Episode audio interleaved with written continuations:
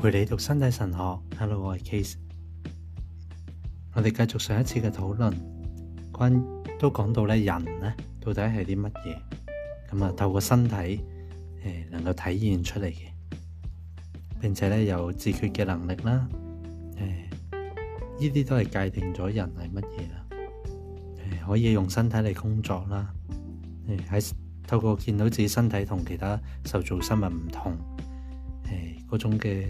即係覺察啦，發現到自己係為格啦，誒可以同上帝立約咯，咁樣創世記記載咗呢一番話，人單獨不好，呢句説話可以話係女人受造嘅罪述嘅前奏。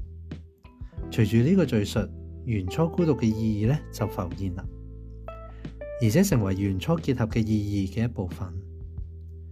原初結合嘅重點。睇嚟就系创世纪二章廿四节所提到嘅话，即系基督喺佢同法利赛人嘅对谈之中所诉诸嘅人要离开父母与妻子联合二人成为一体。既然啊，基督喺诉诸起初嘅时候引述咗呢番说话，咁我哋就应该要解释呢个元初结合嘅意义。嗰个系扎根于人受作为男人同埋女人呢个事实嘅。创世纪第一章嘅叙述系冇提到人嘅原初孤独呢个问题。事实上，人自起初已经系男人同女人啦。对比之下，创世纪第二章嘅呢个亚威典文本，可以话系容许我哋首先只系思考人，而人通过身体既属于有形可见嘅世界，亦都超越咗呢个世界。然后呢个叙述令到我哋从人嘅两个性别嘅。二重性咧思考同一嘅人，肉身性同埋性嘅特质，并非只系等同嘅。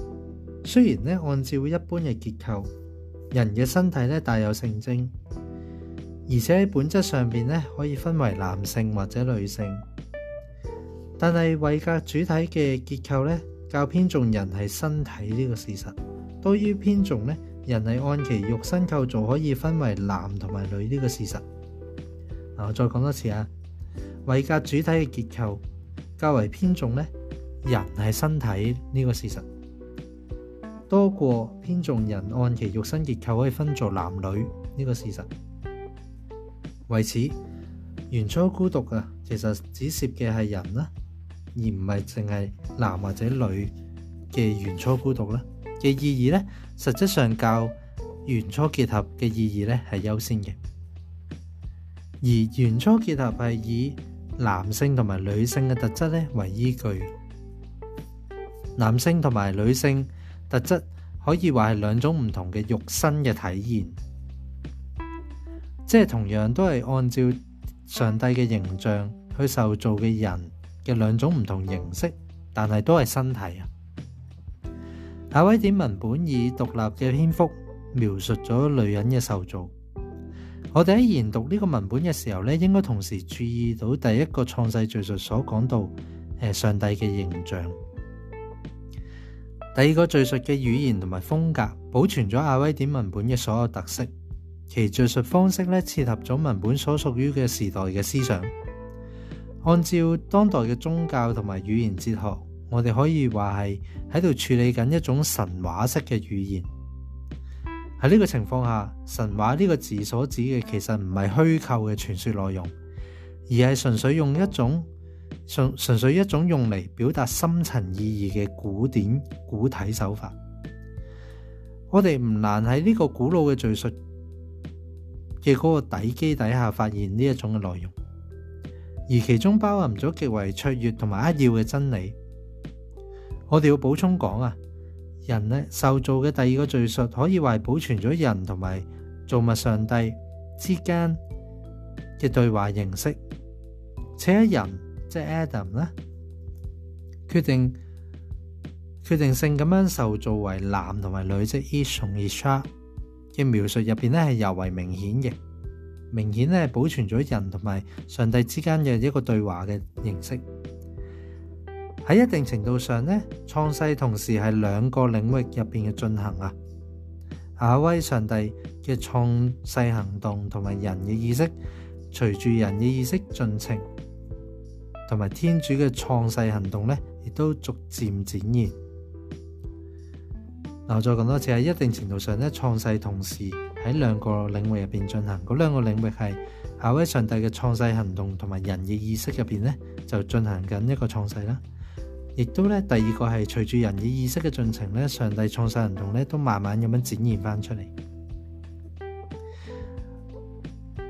咁我繼續講，因此那位上帝咁樣講，人單獨唔好啊，我哋要為佢做一個同佢相稱嘅助手。與此同時，人確定咗自己係孤獨嘅，然後我哋就讀到上帝令到嗰個人呢。誒熟睡啦，或者陷入無意識嘅狀態。當佢瞓咗之後，就攞佢一條肋骨出嚟，再用肉咧補滿原處。然後上帝用嗰個人取出嚟嘅肋骨，形成咗一個女人。考慮到所用嘅語言係咁具體，我哋必須首先承認創世記所提到嘅呢個熟睡確實係發人心省嘅。考威上帝令到人。陷入熟睡入边，呢个系为迎接新嘅创造嘅行动。当代思想透过分析潜意识，关于将性嘅内容同埋梦境咧联系起嚟。因此，根据咁嘅思想呢嗰个熟睡可能引发特别嘅联想。然而，圣经嘅叙述似乎唔单止于人嘅潜意识。咁样，如果我哋认为用词多样化有其特别嘅意思。我哋可以推断说，人啊 Adam 陷入熟睡，系为咗醒过来后成为男人同埋女人。嗱，我讲多次啊，我哋见到圣经特登要用呢个字啊，我哋就可以去推断咁样讲。当人陷入熟睡，系为咗醒过嚟嘅时候呢，即系经历一个新嘅创造之后呢，唔单止系人啊，而系可以分。區分到男人啦，Is 同埋女人 Isa。事實上，我哋喺創世記二章廿三節首次發現 Is 同埋 i s h 嘅區別。因此話喺睡眠嘅類比喺呢度要指出嘅唔係從意識過渡到潛意識嘅問題，而係特指返回一種唔存在嘅狀態。睡眠嘅意義包括包含咗消滅人有意識嘅嗰個實情，亦即係返回受造前嘅時刻。为使呢个孤独嘅人因住上帝创造嘅行动，从嗰个时刻重新出现，作为男人同埋女人两者嘅结合，即系翻翻去人受造之前嗰刻，然后喺上帝嘅重再造咧，创造底下重新出现咧，个重新出现系出现咗男人同女人两者嘅结合。